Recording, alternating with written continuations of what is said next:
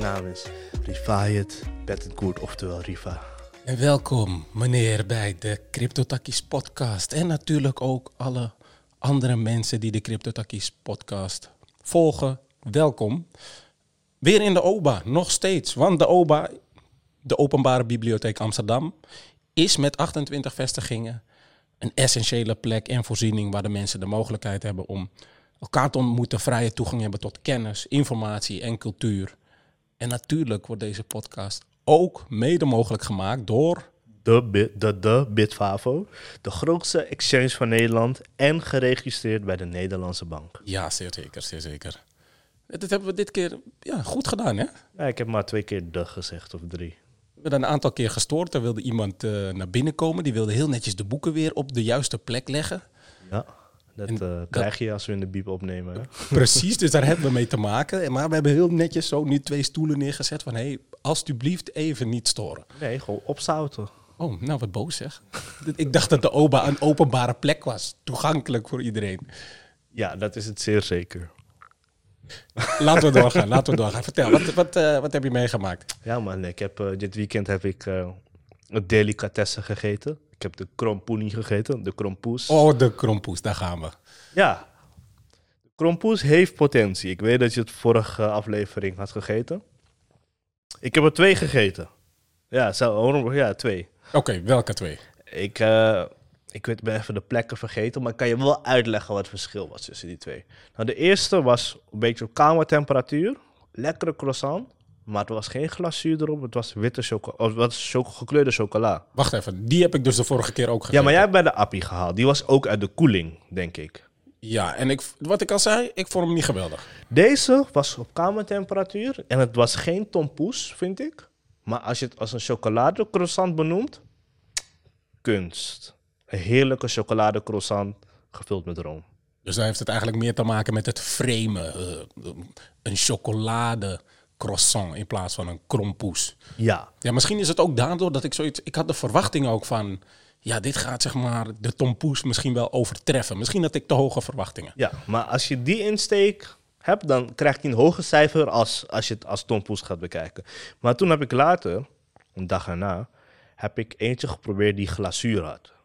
En dat was echt heel lekker, maar die komt uit de koeling. Oeh, En dan wordt je croissant soggy. Dus je miste die luchtige croissant, maar je hebt wel glazuur. Dus mijn volgende missie is eentje zoeken die een verse croissant is, die niet in de koeling is gezet, met glazuur erop. weet je wat ik zo lekker vind aan een tompoes? Is je hebt toch dat als je hem zo gaat snijden, dan hoor je een beetje... Ja, die, die crunchy. een beetje de crisp. En ik had dus gedacht dat die krompoes ook aan de bovenkant een beetje die crunch had. En ja, daardoor is denk ik voor mij ja, gewoon dat cijfer. Nee, als ik, als ik het net als de broodjestesters, als ik het zou moeten waarderen met sterren, geef ik de krompoes 2, 1 derde ster. Ja. Ik ben het helemaal met je eens, maar als je hem gaat bekijken als chocoladecroissant, dan zit hij op 3, 3 vierde. 3, 3 vierde, dat vind ik, dat vind ik hoog. Ja, want 5 is het allerhoogste wat ze geven, toch? Eh, ja, volgens mij 5. Ja, Ja, ja. ja, ja. 3, 3 vierde. Nou, dus een ruime voldoende. Ja, ruim en voldoende. Want het is gewoon lekker. Een, een croissant die heel vers gebakken is. Een luchtige croissant met een chocolade. Chocolade was crunchy erop. Want ja, chocolade droog, dus het brokkelt en shit. En die, die room in mijn mond, jongen, die room ging zo zeg maar zo Oh, daar gaan we weer. op mijn mond en het Daar kwam gaan zo we op mijn gezicht en op mijn snor. Ik, en ik heb van iedereen hun krompoesresten ook opgegeten. Vond ik Ja. gewoon lekker. Ja, smeerlap. Oké, nou, en verder. Oh ja, en heel leuk. Ik produceer nu ook een anime podcast. En eh, we zijn hier niet van andere mensen pluggen, maar ik vind het wel tof. Eh, de Dangdo Discourse podcast op, eh, op Spotify. Check it out. En dan hoor je ook dat ik echt, ik ben kapot hard. Ik ben gewoon de beste podcaster uit de elf, man. Ik zeg het je gewoon, man. Maar eh, anime, wacht, wil dat zeggen dat jullie echt... Nee, ik zit er niet in. Ik produceer het voor eh, wat goede vrienden van mij. Ja? En ze, zij zijn echt, echt, zeg maar, anime-liefhebbers. Zij gaan op die andere level model. Oh, ik moet ook maar met ze Ze worden. zijn zeg maar al Japan geweest om te vechten, zeg maar. Hoi, want ik ben ook... Ik, vandaag nog was ik met een mattie. En we hadden het ook weer over, eh, volgens mij de mensen die eh, ook Attack on Titan hadden eh, geproduceerd, geschreven, bedacht. En hij vertelde me, ja, verdrietig bericht dat ze gestopt zijn. Ik heb dat niet geverifieerd, dus voor de mensen die echt diep in die anime game zitten, hey, laat het eventjes weten. Maar ik, ik ga ze ook checken, man. Goeie. Ja, zeker weten, moeten we doen. Dus dat is dope, man. Ik wilde gewoon, ja, dus was gaan in mijn leven. Beetje een podcast maken. Ja, en over podcasten gesproken, want dat is leuk. Want ik ben een beetje de data in eh, gegaan om te kijken van... Hey, hoe, staat het nou, hoe staat het er nou voor met de CryptoTakkies podcast? En ik heb dus gezien dat wij steeds meer abonnees krijgen. En dat is ook leuk. En ook steeds meer luisteraars. Dus luisteraars en kijkers, ontzettend bedankt. Maar zeg het ook tegen je vrienden, vriendinnen, Martinnen. Abonneer, like en doe dat alsjeblieft nu meteen. Je kan gewoon in Spotify kan je op die follow-button klikken en geef ons dan ook alsjeblieft vijf sterren. Want dat kost jou niks, maar dat helpt ons enorm. Ehm, dus daar ben ik enorm blij mee dat jullie dat eh, ja, hebben gedaan. En dat we steeds meer mensen krijgen die ja, met positieve berichten komen. Net nog kreeg ik een berichtje van iemand die aangaf van... Hé hey Raoul, ik hoorde dat jullie korte lijntjes hebben met Bitfavo... en dat ze volgende week langskomen. En dat klopt ook. Ehm, en die had dus ook een specifieke vraag. En daar kom ik volgende week op terug. Maar eerst wil ik het even hebben over hetgeen wat ik heb meegemaakt. En dat is namelijk dat ik het nieuwe album van Cho heb beseft. Kill. Moet je even, moet je even checken, man. Ik heb ook geluisterd. Oh, eh, je kijkt niet enthousiast. Ja, ik heb hem maar één keer geluisterd, dus ik kan niet zeg maar een review geven, want ik ben niet zo'n persoon die zeg maar één keer een album luistert en gewoon zegt, ah, ah, ah, hardste album op aarde. Ik kan dat niet doen. Nee, maar zo werkt het ook niet. Het is gewoon, je, je luistert een album één keer en dan hoor je van, nou, hoe is, hoe is deze kunst, hoe is dit in elkaar gezet? En daarna luister je hem nog een keer en dan luister je hem nog een keer. En dan zijn er altijd een paar tunes die je pakken. Ja, Maar ik moet zeggen, Cho is, ja maar je bent lekker bezig weer. maar ik wil kritisch zijn. Ik vind dat Joe, Joe lui is. Want ik weet die man kan rappen. Hij kan zijn hij kan zijn tenen eraf rappen. Ja. Alleen zeg maar, ik heb het gevoel dat hij dat nu een beetje ehm, inhoudt. Ja, maar soms, eerlijk is eerlijk, je hebt ook in dat creatieve proces, wij zijn nu ook ehm, ja, een soort van nieuw product aan het ontwikkelen. We willen nieuwe lessen maken. En ik heb ook dagen dat ik aan het schrijven ben en dan rolt alles eruit. Die vingers, tat, tat, supersnel. Maar er zijn ook dagen dat ik merk dat ik gewoon helemaal leeg ben. En ik kan me voorstellen dat als je een album gaat creëren, dat is ook alsof je een soort van, je maakt een boek. Het is bijna, misschien is het een roman met verschillende hoofdstukken en mooie verhalen. Dat je soms denkt van ja, weet toch, het is hem niet helemaal. Want dat heb ik nu ook met die lessen. Dat ik denk, ja, ik wil het op een bepaalde manier overbrengen. En soms dan heb je net die ene zin en die pakt je en dan zeg je, ja, dat is hem. Maar dat kan ook weken duren, weet je wel. Ja, ja, ja. Maar ik, eh, ik vind het hard. Ik vind het niet, eh, niet, niet hard. Ik vind het echt hard. Shout-out naar Joe, man. Die man was zo SGR, schoolfeest. Ik heb die man gezien daar. Ja, man. Ja, ik ga Brugpieper, ik was daar. Ja, maar dat heb ik niet meegemaakt. Maar nee, wat ik ook aan het vertellen was, want eh, ja, het is leuk, want we zijn nu geselecteerd voor een launchpad. Ehm, en dat wil dus zeggen dat we nu eh, ja, in contact komen met een supergroot netwerk en mensen die ons kunnen helpen eh, bij het ontwikkelen van de, ja, eigenlijk dat nieuwe product.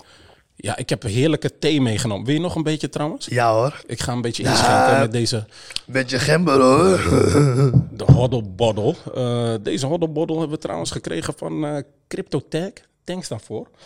Ehm, maar wat superleuk is, is dat we nu met die launchpad ehm, ja, echt in contact komen met een groot netwerk, man. En ze helpen ons supergoed. En ik denk dat we echt bezig zijn met het maken van gewoon een nieuwe manier om les te geven over Web3.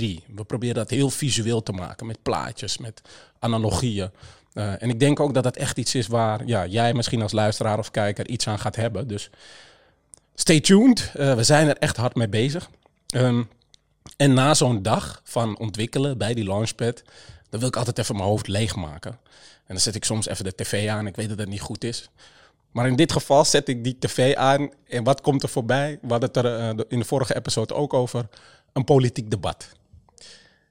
En wie kwam er aan het woord? Meneer Omtzigt. En normaal gesproken luister ik niet echt. Weet je wel, ik zit gewoon een beetje op mijn okkie te scrollen.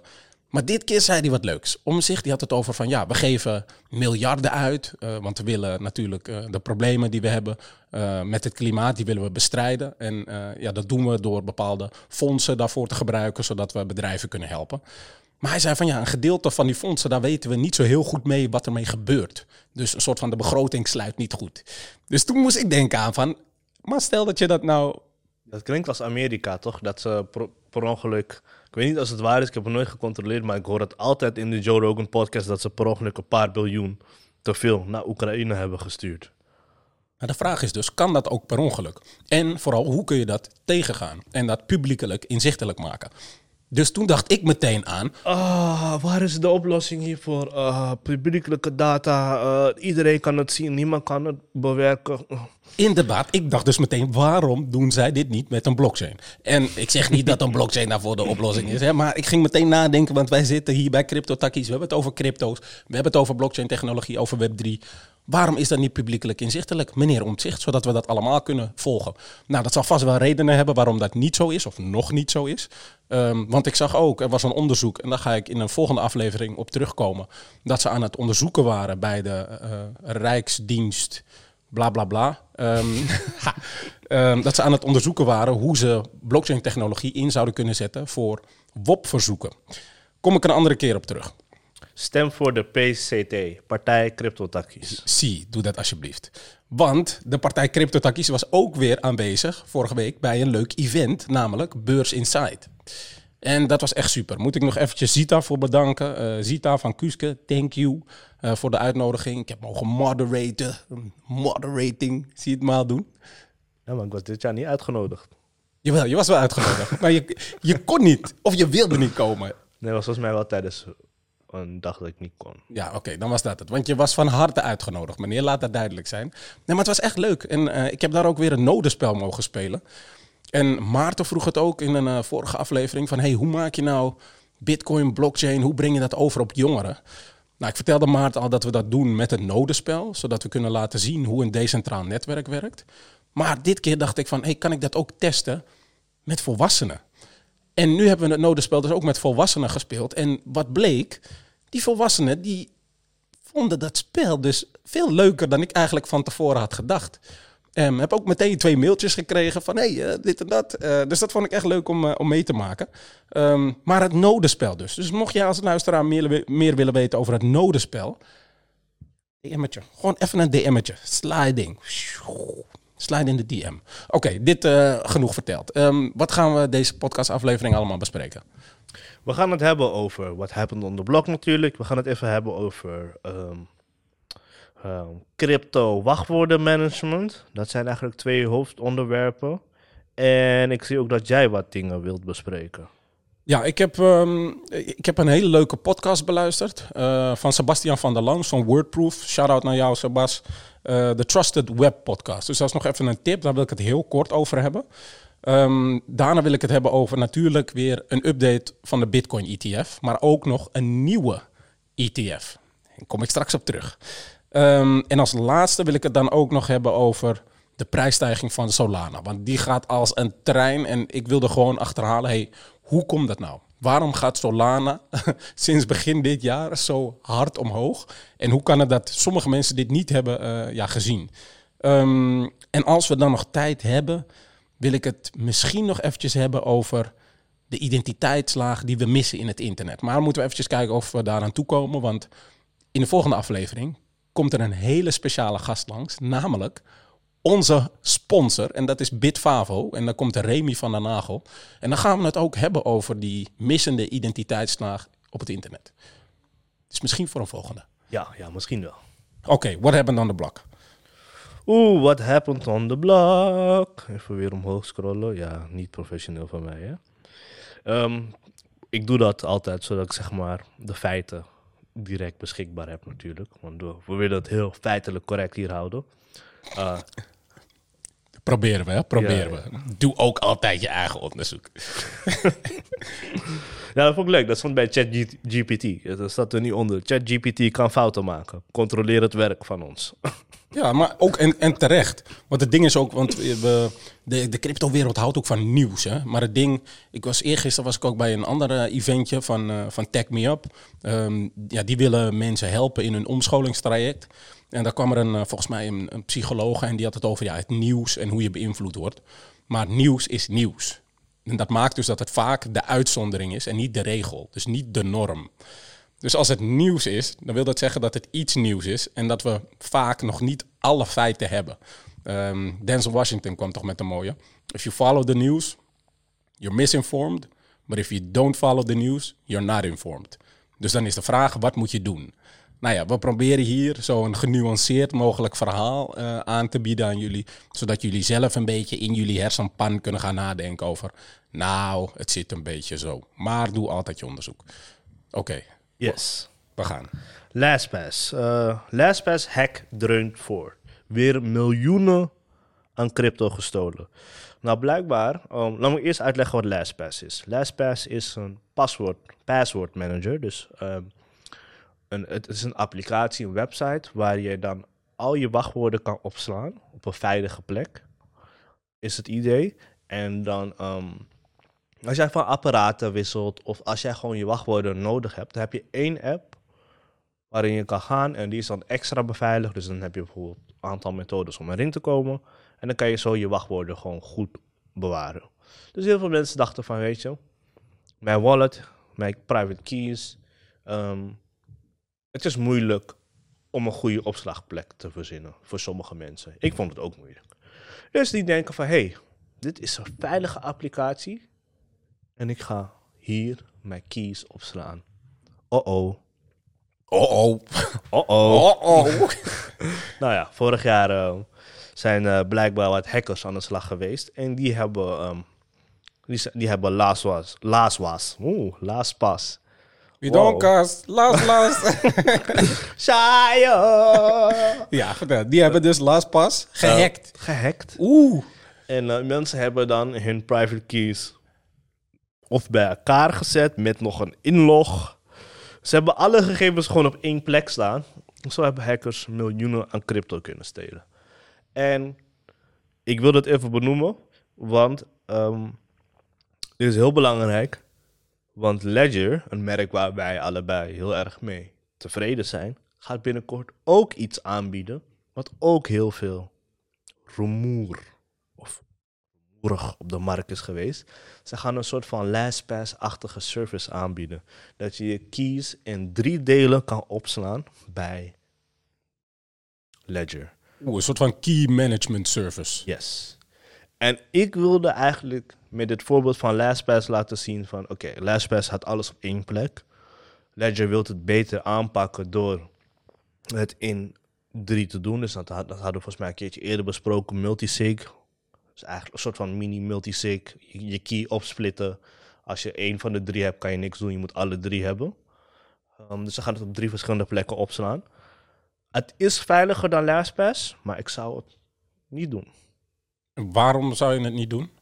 Omdat jij er geen controle over hebt. Over wie uiteindelijk toegang heeft tot jouw keys. Daar komt het op neer. Um, we gaan ervan uit dat Ledger een eerlijk bedrijf is. Ze doen alles netjes.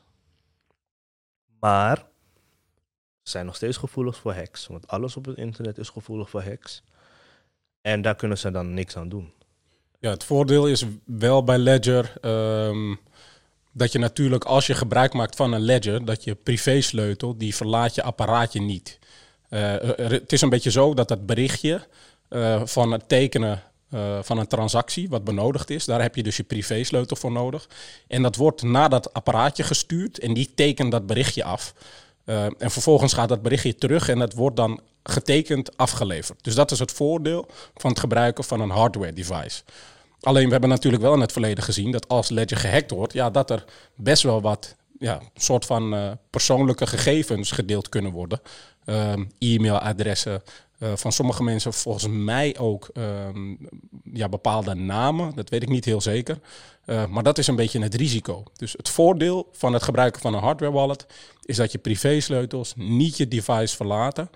Maar ja, nu in deze nieuwe constructie ja, moet je toch rekening houden met alle andere mogelijke gevaren. Dus ja, goed dat je dat eventjes benoemt. Ik denk dat dat belangrijk is voor de luisteraar. Ja, ik zag die twee artikelen staan en ik dacht van kijk, wat bij LastPass is gebeurd, mensen hadden de juiste intentie en Ledger wil ook de goede intentie hebben. Maar je ziet, het is al misgegaan bij een passwordmanager. Dat betekent dat, ze, dat het gewoon kan gebeuren. Het is niet onmogelijk. En Ja, daar moet je wel over nadenken. En vooral het feit dat als je een fysieke wallet aanschaft, dan doe je dat vooral voor de safety, denk ik.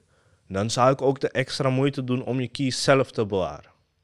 Want als je je keys toch online gaat bewaren, dan kan je net zo goed de app gebruiken. Helemaal eens. Het is precies hetzelfde. Het is, nu ben je zeg maar op een app met extra beveiliging. Ja, ik ben ook voorstander toch van eh, wat ze noemen self-custody of self-custody met een S. Eh, dat je dat zelf in beheer hebt en dat je daar zelf de verantwoording over hebt.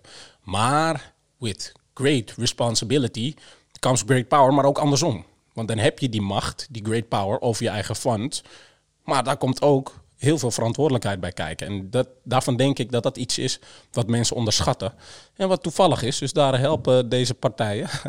uh, CryptoTag, die helpt daar ook bij. Um, ja, heel vet toch? Hadden zo'n, um, wat was het, een titanium plaat.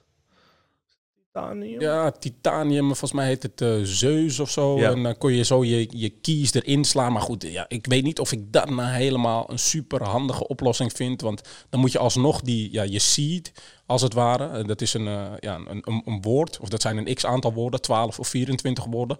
En die graveer je dan in een uh, metalen plaatje. Uh, en dat is brandbestendig, ehm, waterbestendig, et cetera. Maar dan moet je het toch ergens bewaren. En ja, dat is heel goed, want een papiertje, dat, gaat natuurlijk, dat vergaat natuurlijk sneller dan dat metalen stuk. Um, maar ja, ook daarbij heb je natuurlijk ook de verantwoordelijkheid om dat goed te bewaren. Maar ik ben wel meer voorstander van dat zelf beheren. Um, want dan leer je ook om te groeien in die verantwoordelijkheid. Je hoeft niet meteen uh, enorme kapitalen met die ledger te bewaren. Dat kan ook om een kleine hoeveelheid gaan. En daar leer je denk ik ontzettend veel van. Dus een goeie. Ja, maar als je echt gangster bent, tatoeëer je die shit gewoon op je arm, man. Dus je ziet. Je, je, zeg maar, ziet, dit misschien, als je ziet 12 woorden, doe je misschien 5 op je linkerarm, 5 op je rechterarm. En dan doe je zeg maar twee binnen je butt cheeks. Dus als ze echt, echt willen, moeten ze je butt cheeks open spreaden. En dan heb je op die linker cheek en die rechter cheek heb je eentje. Dan heb je twaalf. Dit, die komt er met smerige ideeën. no, maar uh, is toch, bro, dat is self-custody to the max. Maar dan, dus stel dat iemand je gaat overvallen, dan denk je dat ze dat niet gaat doen omdat ze je billen moeten openmaken. Ja, man. je moet gewoon snel poepen. Je gaat, gaat niks lezen. laten we doorgaan, laten we doorgaan. Uh, de, we beginnen met, ja, als we het toch hebben over zelfkassen, die beginnen we met uh, Bitcoin. Want dat is natuurlijk waar je, uh, denk ik, je ledger voor gebruikt. Of voor andere cryptocurrencies of digital assets, zoals ze het tegenwoordig noemen. Die zware jongens zitten erop. De opslag inderdaad van je digital assets, de zware jongens. En een van die partijen die daar maar mee doorgaat, constant. In de bear market, in de bull market. Ze hebben hem uitgelachen. Michael Saylor van MicroStrategy. Michael Saylor is uh, de CEO van MicroStrategy. En ik las weer over MicroStrategy en die hebben me toch een partij Bitcoin. Dat ga je niet geloven. Vanaf 2020 zijn ze doorgegaan. Hadden ze hier, lees ik, 17.732 Bitcoin. Inmiddels hebben ze nu. Hoe, hoeveel Bitcoin denk jij dat ze op dit moment hebben? In 2020 hadden ze 17k. Toch? Ja, ik denk dat ze. Kijk, wat ik. Nou, nee, nee, dat, toen hebben ze gekocht voor ongeveer 17.000 in, uh, in, de val, in de val van 2020. Kijk, ik had volgens mij gelezen dat zij de grootste cold wallet hebben qua Bitcoin. Dus. 158 doezoe. 158.000 Bitcoin. Hoe? Hoe? 158.000 Bitcoin. Kan je je voorstellen dat je... Nou, ik denk niet dat ze net op één wallet bewaren natuurlijk. Hè, die hij, heeft die, hij heeft die keys getatoeëerd aan de binnenkant van zijn billen. bro, ik las dit en ik dacht, wauw. 158.400 bitcoin. Um, significant investment, dat staat hier ongeveer voor 4,7 miljard. Um, maar het schijnt dus dat ze nu een super winst hebben geboekt van ongeveer uh, ja, tussen de 20 en de 25 procent. Ja, en dat is, is 1 miljard gewoon aan winst. Ja, ruim 1 miljard. En dat is toch absurd? Een man die is uitgelachen. En ik ga ook niet liggen. Ik heb ook soms zitten lachen om die praatjes van hem. Want hij had het soms over dingen dat je denkt, ja, Gappie, ik weet dat je eh, van Bitcoin houdt en dat je het super hard vindt. En wij vinden het ook allemaal hard. Maar ja, soms vind ik met Amerikanen dat ze een beetje extreem zijn in de uitspraken die ze doen. En dan is het ook wel een beetje pijnlijk als hij dan een soort van toch gelijk krijgt, weet je wel, op deze manier. Want hij gaat nu tegen zijn investeerders zeggen: Ja, hier moet je kijken. Jullie waren toch boos dat ik aandelen verkocht en daar Bitcoin verkocht. Maar check nu, uh, it's working man. En dat is leuk, want helemaal in het kader van dus die nieuwe Bitcoin-ETF zien we eigenlijk dat zijn strategie ja, misschien wel niet alleen nu zijn vruchten afwerpt, maar ook over misschien vijf jaar, tien jaar. Hij heeft een hele tijd geleden heeft hij gezegd van ja, als je de weddenschap gaat doen um, uh, om te uh, bepalen of de dollar over tien jaar meer waard is, of dat bitcoin over tien jaar meer waard is, ja, dan gok ik erop dat bitcoin over tien jaar mij meer oplevert, dus mijn koopkracht vergroot ten opzichte van uh, de dollar. En dat vond ik een leuke. Um, want we zien nu dat hij ja, misschien wel gelijk gaat krijgen, want ja, die Bitcoin ETF, ja, dat lijkt er gewoon, het lijkt ervan te komen. Uh, en misschien wel heel snel ook. En Cathy Wood, uh, Cathy Wood is de, uh, de CEO en CIO, um, ehm, Chief Investment Officer van ARK Invest. Ja, ik ging even opzoeken ook. CIO, wat, wat is dat dan? Um, nou ja, C CIA? Eh, bro, en dan stond ook Chief Information Officer. Dus allerlei jargon heb je. En dat wordt steeds nieuwer. Ik denk dat ze al die titels gewoon met alles CEO moet klinken, toch? Ja, ik, ik, ik, ik vond het gewoon dat ik dacht CEO en CIO. En binnenkort wordt het ook IPO en GDO. Maar goed, zij is dus de Chief Investment Officer ook voor ARK Invest. En zij gaf aan van, ja, de meeste mensen begrijpen dat Bitcoin de nieuwe geldrevolutie is. En um, in een interview met CNBC gaf ze ook aan um, dat de voorgaande aanvragen voor zo'n Bitcoin-ETF al per definitie werden afgewezen. Maar ze zegt, ja, dat tij is nu gekeerd. Ze zeggen, ik krijg nu steeds meer vragen van de SEC, hele goede en gerichte technische vragen, ook over hoe we de mensen kunnen beschermen. En ja, dat geeft toch al aan dat uh, niet alleen het sentiment aan het keren is, maar ook de gedachtegang van de SEC. Want ja, voorheen was het toch zo van dat mensen dachten, ja, de Amerikaanse toezichthouder, wat gaat hij daarvan vinden? Er lopen rechtszaken tegen, uh, tegen Ripple. Um, hoe kijken ze aan tegen de securities ten opzichte van commodities? En nu kom, lijkt het alsof we op een soort van eindpunt komen. En dat die ETF, ja, we zitten dus in die periode van goedkeuring, dat die waarschijnlijk wordt goedgekeurd voor Bitcoin. En dat is heel tof. Um, toch moeten we wel rekening houden natuurlijk met al die ja, negatieve effecten die er in de uh, crypto-industrie ontstaan als mensen mogen handelen. En een van de belangrijke argumenten van de SEC om ook die ETF volgens mij niet door te laten gaan en die af te wijzen, was ook marktmanipulatie. En dat is dus een leuk ding, want wat zag je nou de afgelopen week? Ripple. XRP. Er kwam weer nepnieuws uit dat XRP um, ook uh, ja, een soort van dat er een aanvraag was gedaan voor een ETF voor XRP uh, door iShares of weet ik veel. Er was iemand was kapot goed in Photoshop. Of in, uh, ik weet niet, of in Keynote. Gewoon slim gefixt. Slim, maar ook heel gemeen. En nou ja, natuurlijk, wat zag je gebeuren? De prijs van XRP? Tjoe, tjoe, tjoe. Super weer de lucht in. Um, ja, dat is een beetje zo'n ding waarvan ik dan ook denk, ja, ik snap dat als dit in de crypto-industrie gebeurt, dat ze uh, als toezichthouders gaan zeggen, ja, maar hey, moet je kijken. We hebben het vorige week over gehad hoe dat ervoor uh, staat in Mika, uh, hoe dat daar staat beschreven. Maar ja, de SEC die ziet natuurlijk ook dat dit gewoon marktmanipulatie is. En dat moet je tegenzien te gaan. Maar het punt is dus wat ik wil aankaarten, de tendens die lijkt te keren. En Bitcoin wordt echt gezien dus als inderdaad een soort van een vlucht naar, naar veiligheid. Larry Fink, die, uh, dat is de CEO van BlackRock, die geeft aan a flight to safety. En Cathy Wood, uh, dus de CIO en CEO van ARK Invest, die geeft aan a flight to quality. Dus een vlucht naar veiligheid en een vlucht naar kwaliteit. Nou, dat vind ik wel vet. Dat zeg maar de grootste uh, uh, assetbeheerder, en in dit geval BlackRock, nou ja, dat die CEO daarvan dan zegt, het is natuurlijk wel een beetje populistisch, hè, dat lekker dat roepen, vlucht naar veiligheid, natuurlijk, dat helpt hem ook, hè, doet hij het goed in de Bitcoin community. Um, maar dat zo iemand dat zegt, en dat ze vervolgens ook acteren op het feit dat ze zeggen, die Bitcoin Spot ETF, die gaan we vragen, en zelfs ook een aanvraag doen voor een Ether Spot ETF. Zo. Dat wilde ik dus vertellen. Ja, dat geeft aan dat de tij aan het keren is. Ehm, maar waar die Bitcoin Spot ETF iets sneller kan komen, ehm, is dat voor die Ether Spot ETF ja, nog iets lastiger. Ehm, want ik lees hier: The first thing to remember is that BlackRock, uh, the Spot ETF Ether, is months away at the earliest, and there's no guarantee that it will ever list. Um, is die aanvraag al gemaakt? Nou ja, wat ik heb gelezen is dat die aanvraag dus al is gedaan. Um, maar ja, dit is weer een compleet nieuwe aanvraag. Want die aanvraag voor een Bitcoin Spot ETF, die is al veel eerder gedaan. En ook veel eerder en vaker afgewezen. En ik denk dat dat nu voor de spot ETF van ETH um, ja, eigenlijk iets later is gekomen.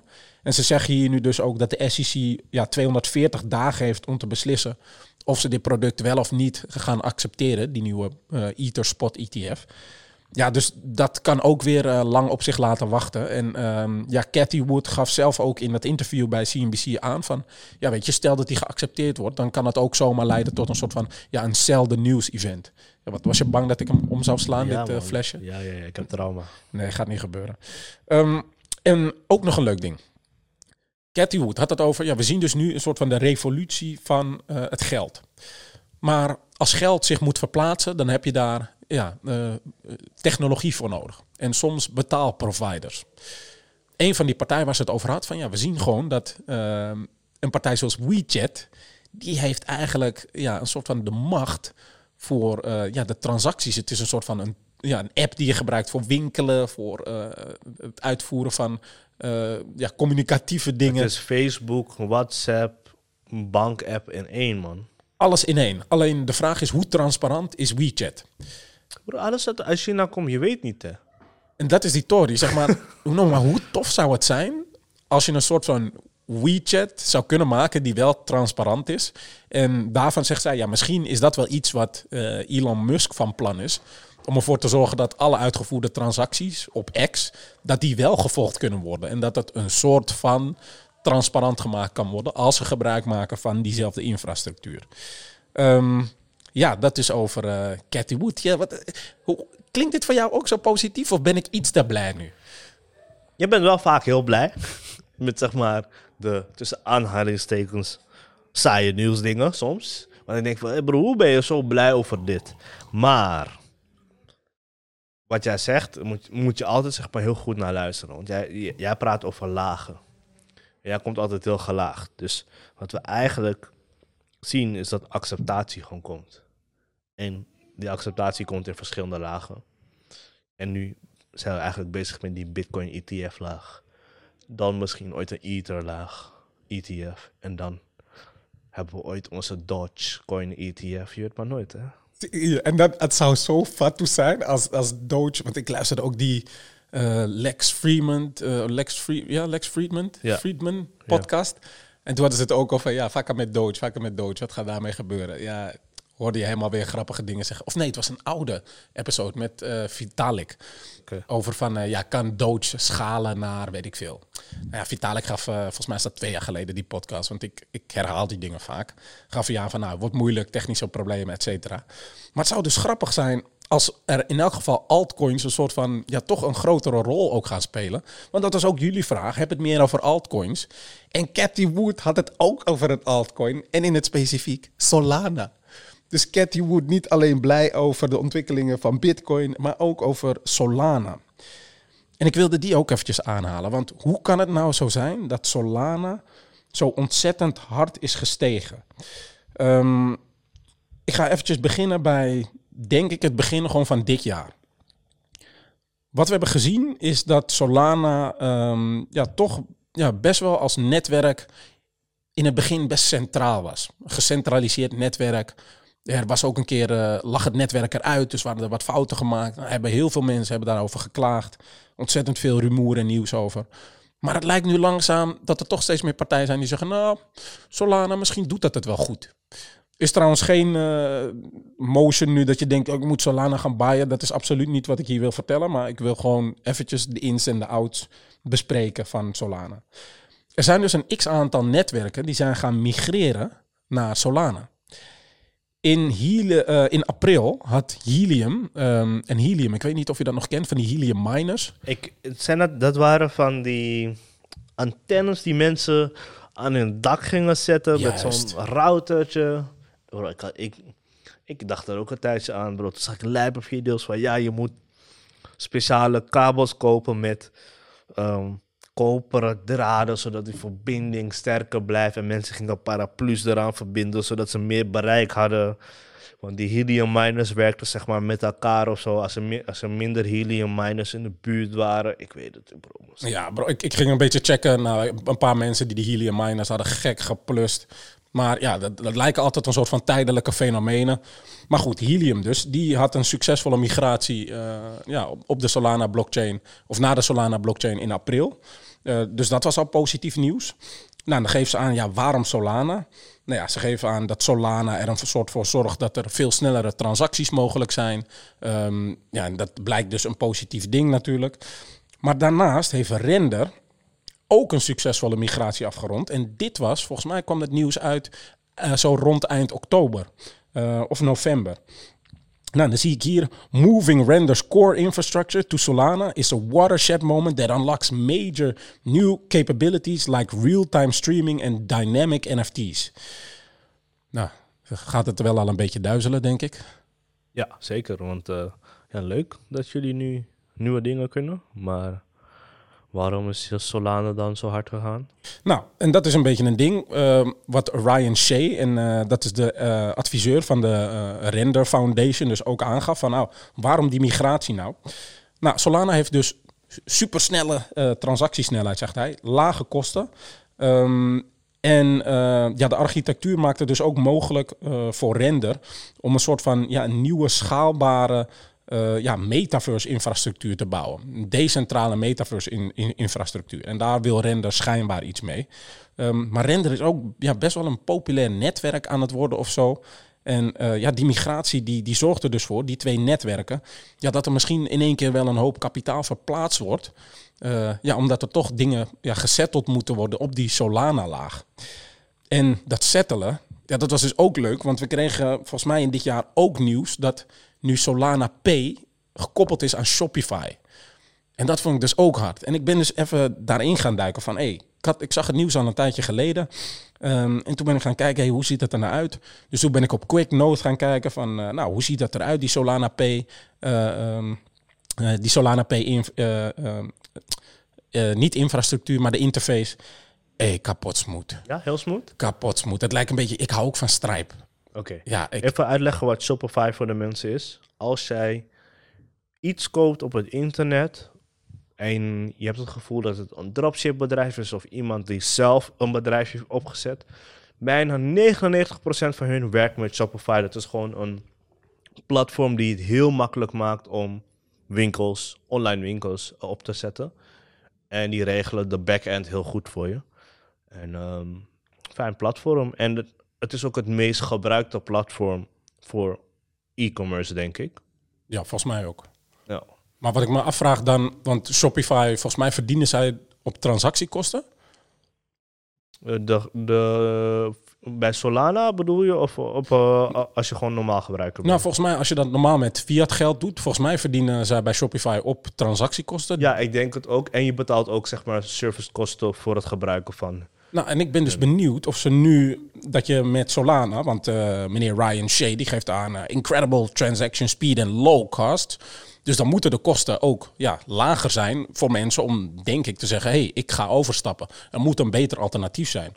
Dus ik vraag me nu af of Solana of nu of in de aankomende jaren een beter alternatief wordt eh, dan het versturen van geld met, eh, of het versturen en het ontvangen van fiduciair geld eigenlijk. Want ja, wat er mogelijk is, is dat mensen kunnen betalen met Sol, maar ook met USDC.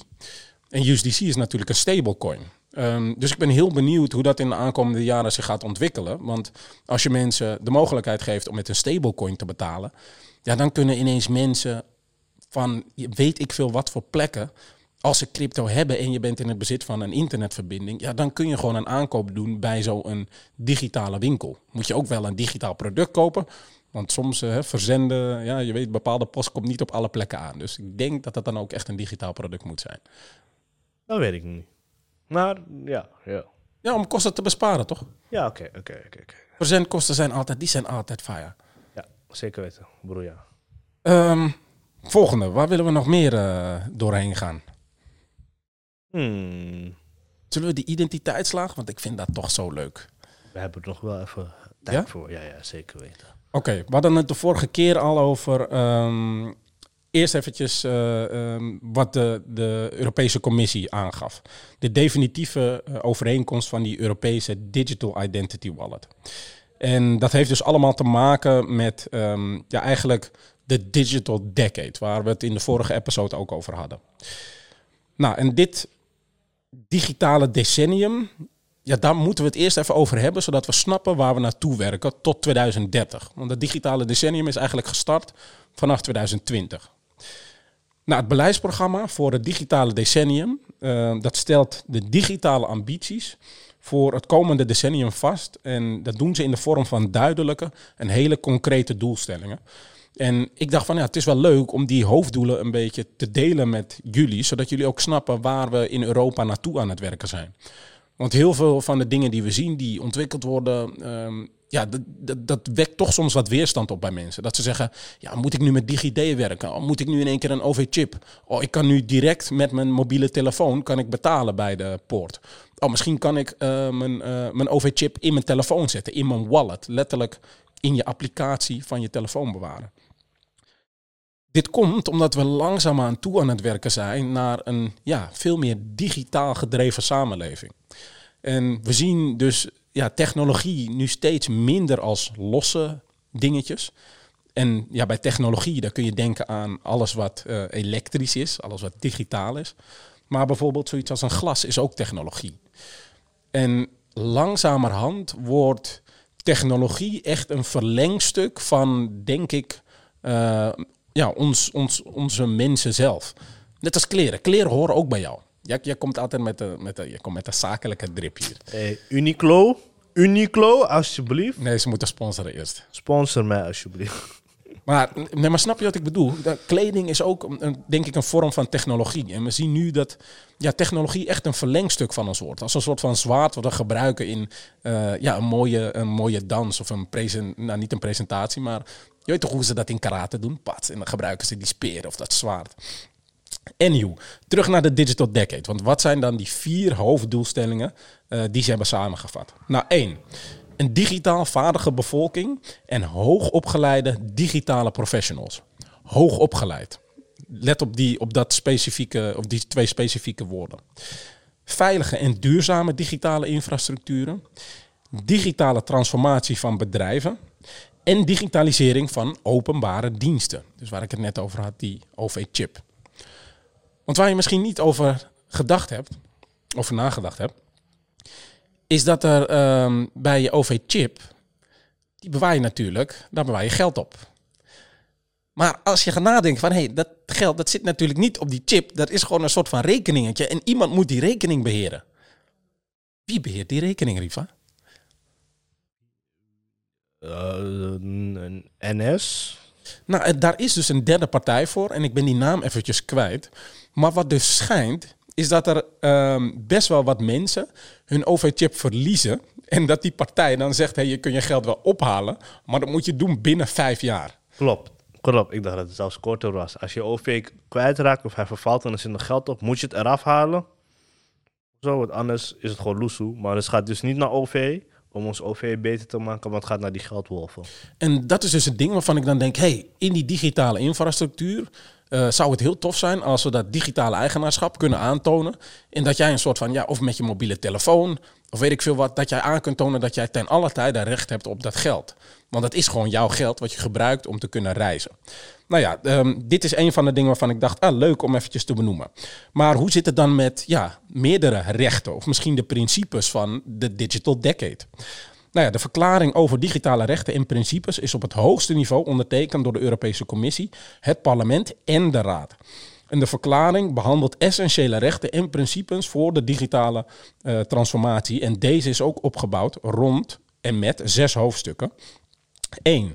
Mensen en hun rechten centraal stellen in die digitale transformatie. Nou, dan ben ik dus benieuwd. Ja, hoe zien al die rechten eruit? En krijgen we in de toekomst misschien wel ja, een soort van nieuwe rechten? Ehm, een tijdje geleden, daar was jij toen nog niet bij, maar toen had ik een gesprek met eh, Katja van Kranenburg. Ehm, en Katja werkt bij CMS, dat is een groot advocatenkantoor. En toen vroeg ik van, ja, stel nu hè, dat we overstappen op een soort van de metaverse wereld en alles wordt steeds digitaler. Krijgen mensen dan ook specifieke metaverse regels? Komt er een metaverse politie?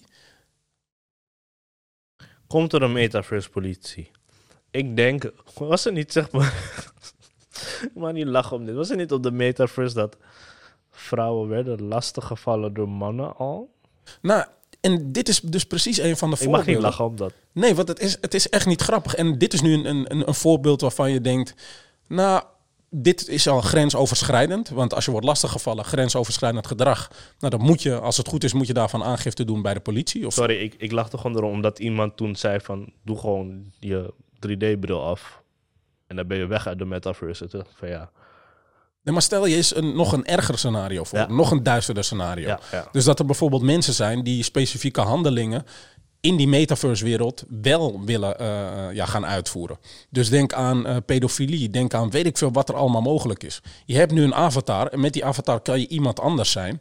Dus ik denk dat we toe moeten naar, als we een metaverse hebben, dat we moeten kunnen zien als mensen daarmee interacteren, dat er identiteiten soms gekoppeld zijn aan bepaalde avatars in een bepaalde setting. Want ik denk niet dat het overal wenselijk is. Maar soms wil je toch wel weten, hey, als iemand iets doet daar, moeten we wel zeker weten dat het veilig is en dat diegene geen rare dingen in de metaverse doet. Ja, ik zie je kijken van, oké, raar, het is prima. Ik ga verder met de Nee, overige nee, want ik ben gewoon aan het nadenken van...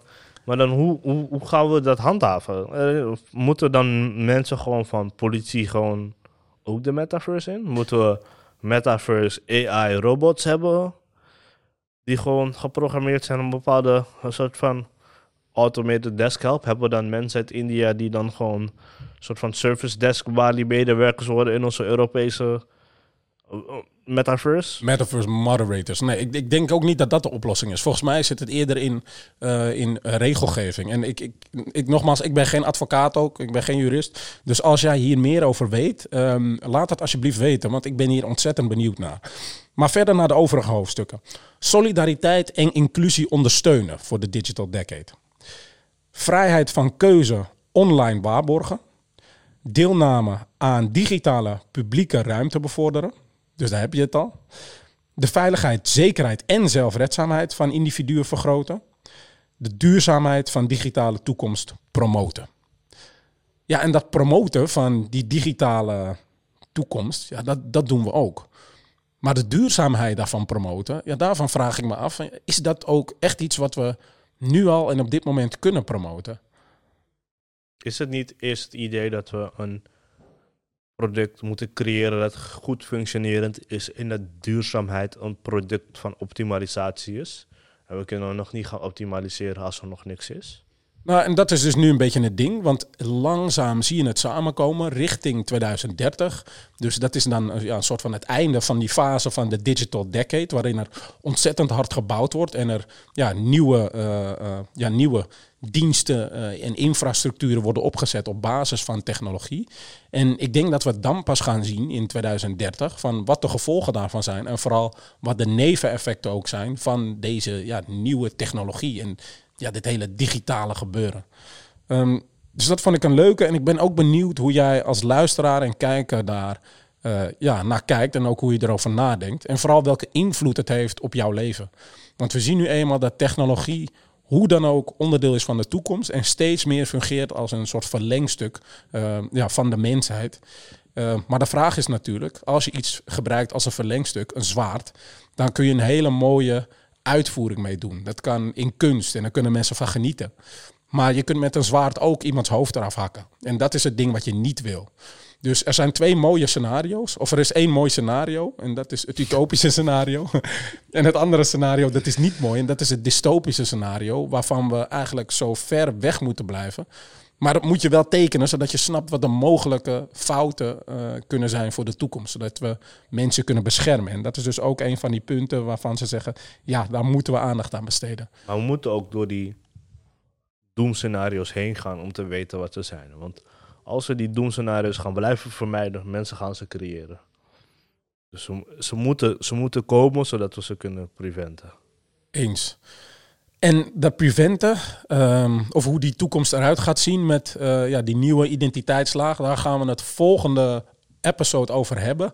Met een speciale gast van Bitfavo. Ehm, en dan gaan we ook een specifiek boek bespreken, wat daar heel veel mee te maken heeft. Dat is dit boek, geschreven door uh, Preukschat en uh, volgens mij, uh, even kijken, Drummond. Nou ja, het boek heet Self-Sovereign Identity. Uh, superboek. En Remy die gaat een beetje in op ja, toch dat dystopische scenario. Want hij heeft ook nog een ander boek wat hij ook een beetje wil bespreken. Uh, en natuurlijk gaan we wat vragen van jullie behand behandelen. Maar um, ja, laten we gaan naar de Coinfession. Ja man, we zijn weer beland bij de Coinfessions. En vandaag dacht ik van, hé, hey, we zijn de biep. Laat me gewoon even kijken in... Even kijken hoe het heet hoor. Cryptovaluta voor dummies. Dus ik dacht van, hé... Hey, Raoul was laat, mag ik koffie halen. Dus ik dacht, hé, hey, weet je wat, ga even erin. Dus ik, tjoep, ik ga zo naar, hé, hey, ga zo naar, wacht even. ik ga nog zo naar 10 misvattingen rond cryptovaluta. Oeh. Dus ik dacht van, ah, welke gaan we doornemen?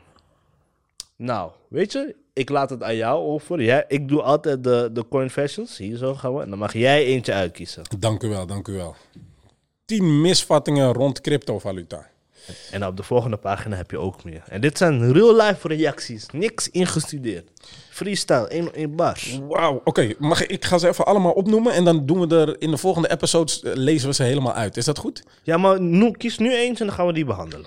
Uh, het is voor illegale activiteiten. Ja, crypto.